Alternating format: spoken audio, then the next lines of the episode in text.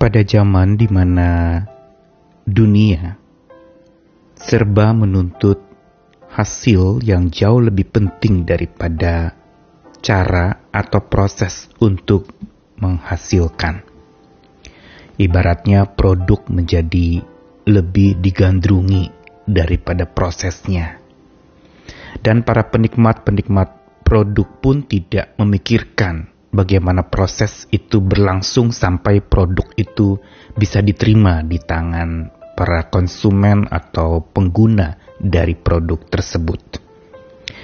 Ini menjadi sebuah mentalitas di zaman sekarang di mana orang akhirnya tidak mau bersusah-susah dan yang lebih parah lagi tidak mau berproses atau diproses.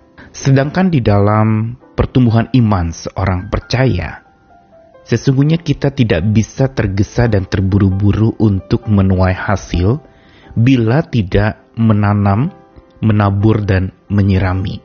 Kitab suci dengan tegas mengatakan bahwa iman itu adalah seperti biji sesawi yang perlu ditanam, yang perlu dipupuki, disirami, sampai akhirnya dia bisa bertumbuh menjadi pohon yang besar dan berguna buat banyak orang. Begitu pula hidup iman percaya kita. Perlu ada proses yang dilalui. Namun, celakanya ada begitu banyak orang yang anti kepada proses itu. Begitu pula saat ketika badai hidup atau beban berat datang melanda kehidupan setiap orang percaya. Semua serba mau cepat selesainya. Semua serba mau sesegera mungkin badai itu berlalu. Makin cepat makin baik, katanya begitu. Tetapi ini sesungguhnya menyangkali dan bertentangan dengan pola pertumbuhan iman yang Tuhan tanamkan di dalam diri setiap orang percaya. Karenanya sering kali Tuhan menunda untuk menyelesaikan sebuah masalah agar setiap orang belajar berproses. Agar setiap orang juga tunduk pada saat diproses lewat berbagai macam pergumulan di dalam hidupnya.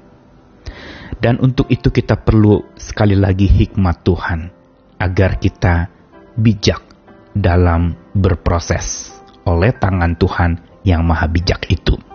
Saya Nikolas Kurniawan kembali menemani di dalam Sabda Tuhan hari ini dari satu ayat saja, Yesaya 45 ayat 9, Celakalah orang yang berbantah dengan pembentuknya, dia tidak lain dari beling periuk saja. Adakah tanah liat berkata kepada pembentuknya, apakah yang kau buat?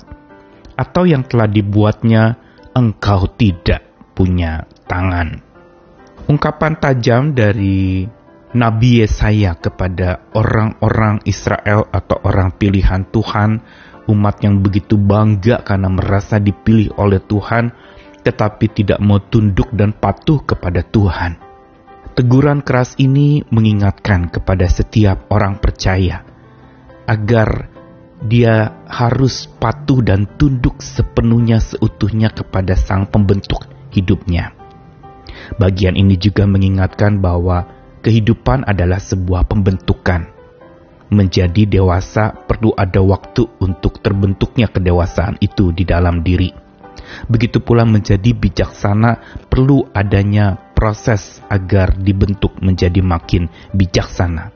Dan justru lewat pergumulan dan masalah yang berat bijaksana seseorang itu akan makin berproses bertumbuh menjadi makin baik dan progresnya atau kemajuannya akan menjadi makin tampak. Teguran yang keras dengan ungkapan celakalah orang yang berbantah dengan pembentuknya ini merupakan satu hal yang paling fatal dan banyak dimiliki oleh orang-orang percaya yang tidak mau taat kepada Tuhan. Mereka bukan tidak tahu Tuhan, mereka tahu betul Secara teori mereka paham bahwa mereka adalah ciptaan dan Tuhan pencipta. Mereka yang dibentuk dan Tuhan yang membentuk. Namun dikatakan di sini celaka orang yang berbantah dengan pembentuknya. Dengan kata lain bahwa tindakan yang hanya mengetahui tetapi tidak mau mematuhi itu adalah sebuah bentuk perbantahan kepada Tuhan yang harusnya kita patuhi. Begitu pula perbantahan atau digunakan dalam versi Alkitab lain berargumentasi dengan pembentuknya. Ini bukan membuat kita lalu memang tidak berdialog dengan Tuhan atau bercakap-cakap dalam doa dan dalam firman. Tentu saja bukan demikian, tapi ungkapan berbantah di sini bukan sekedar berargumen, mengemukakan pendapat, tetapi sebuah protes menolak pola pembentukan yang Tuhan kerjakan dalam hidup seseorang. Kita mungkin mengatakan, iya Tuhan sedang membentuk saya, tetapi sering kali kita mau kita dibentuk dengan cara kita, bukan dengan cara Tuhan. Yang memang unik dan sering kali misteri kita tidak tahu cara Tuhan memproses kita, membentuk kita, dan menjadikan kita menjadi makin indah. Karena itu betapa pentingnya untuk kita sadar kalau kita berbantah dengan pembentuk kita atau kita berbantah kepada Tuhan tidak patuh kepadanya. Di situ dikatakan tidak lain dia dari beling periuk saja. Apa itu beling periuk? Beling periuk itu adalah pecahan bejana atau periuk itu yang sudah tidak bisa diapa-apain lagi. Dia hanya sudah menjadi sampah dia hanya dibuang saja, tidak bisa didaur ulang pula.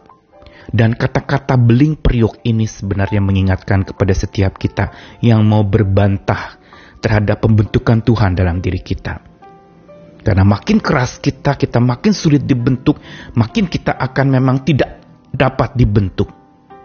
Dan ini menunjukkan betapa Tuhan menegur keras orang-orang yang keras hatinya. Tapi digambarkan lagi ada kata Naliat berkata kepada pembentuknya. Nah, di sini diungkapkan istilah tanah liat yang empuk, yang lembut, yang masih belum jadi tembikar atau bejana itu, yang sudah lewat proses pemanasan. Tetapi tanah liat itu tidak bisa bicara kepada pembentuknya. Ini yang mengingatkan kita bahwa kita dasarnya lembek seperti tanah liat Bukankah kita berasal dari tanah dan akan kembali menjadi tanah atau dikuburkan di dalam tanah? Ini mau memberitahukan kepada setiap kita bahwa kita sebagai tanah tidak bisa berkata kepada pembentuk kita, "Apa yang telah kau buat?" Seolah-olah menantang sang pembentuk hidup kita. Atau bertanya kepada sang pembuat itu, "Engkau tidak punya tangan, Kata-kata yang sangat kasar diungkapkan oleh orang percaya kepada Tuhan sang pembentuk hidupnya itu. Seolah-olah mengatakan bahwa engkau tidak bisa bekerja. Tanganmu itu kerjakan apa untukku? Kita harus belajar bahwa sebenarnya bijaksana dari Tuhan itu bukan semata agar kita melakukan ini itu. Tetapi juga pada saat kita diproses, Orang bijak tidak mudah meledak-ledak atau tergeletak. Tetapi dia menganggukkan kepalanya, mengiyakan apa yang Tuhan katakan. Mengiyakan apa yang Tuhan rencanakan dalam hidup kita, menerima rencana Tuhan dengan lapang dada dan terbuka.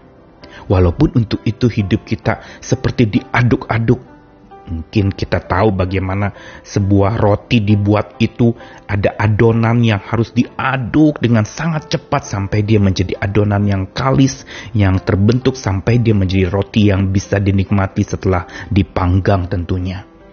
Dan itu pula cara Tuhan menjadikan kita roti hidup itu kita diaduk-aduk dari adonan yang memang tadinya lembek dan tidak berarti hanya tepung dan hanya bahan-bahan pembuat kue yang memang sangat tidak bisa berguna apa-apa kalau tidak disatukan menjadi sebuah adonan untuk lalu kemudian menjadi kue. Begitu pula hidup kita sering kali diaduk-aduk. Tetapi di situlah kita belajar untuk angguk dan mengiyakan Tuhan serta orang bijak bukan saja angguk mengiyakan Tuhan tetapi tunduk mempercayakan segalanya kepada Tuhan. Inilah latihan pemercayaan diri. Walaupun perasaan kita bercampur aduk saat hidup kita teraduk-aduk, pada saat itu Tuhan mau kita angguk kepadanya, mengiyakan dan tunduk kepadanya, mempercayakan segala sesuatunya kepada Tuhan, Sang Pembentuk hidup kita. Karenanya, mari saat pemrosesan itu sedang terjadi buat semua kita biarlah kita bijak berproses oleh kekuatan hikmat yang daripada Tuhan. Tuhan menyertai kita sekalian, tetaplah taat, tunduk kepada Tuhan saat kita sedang diproses oleh tangan kasihnya. Tuhan mengasihi kita sekalian dan semangat lagi untuk berjuang. Amin.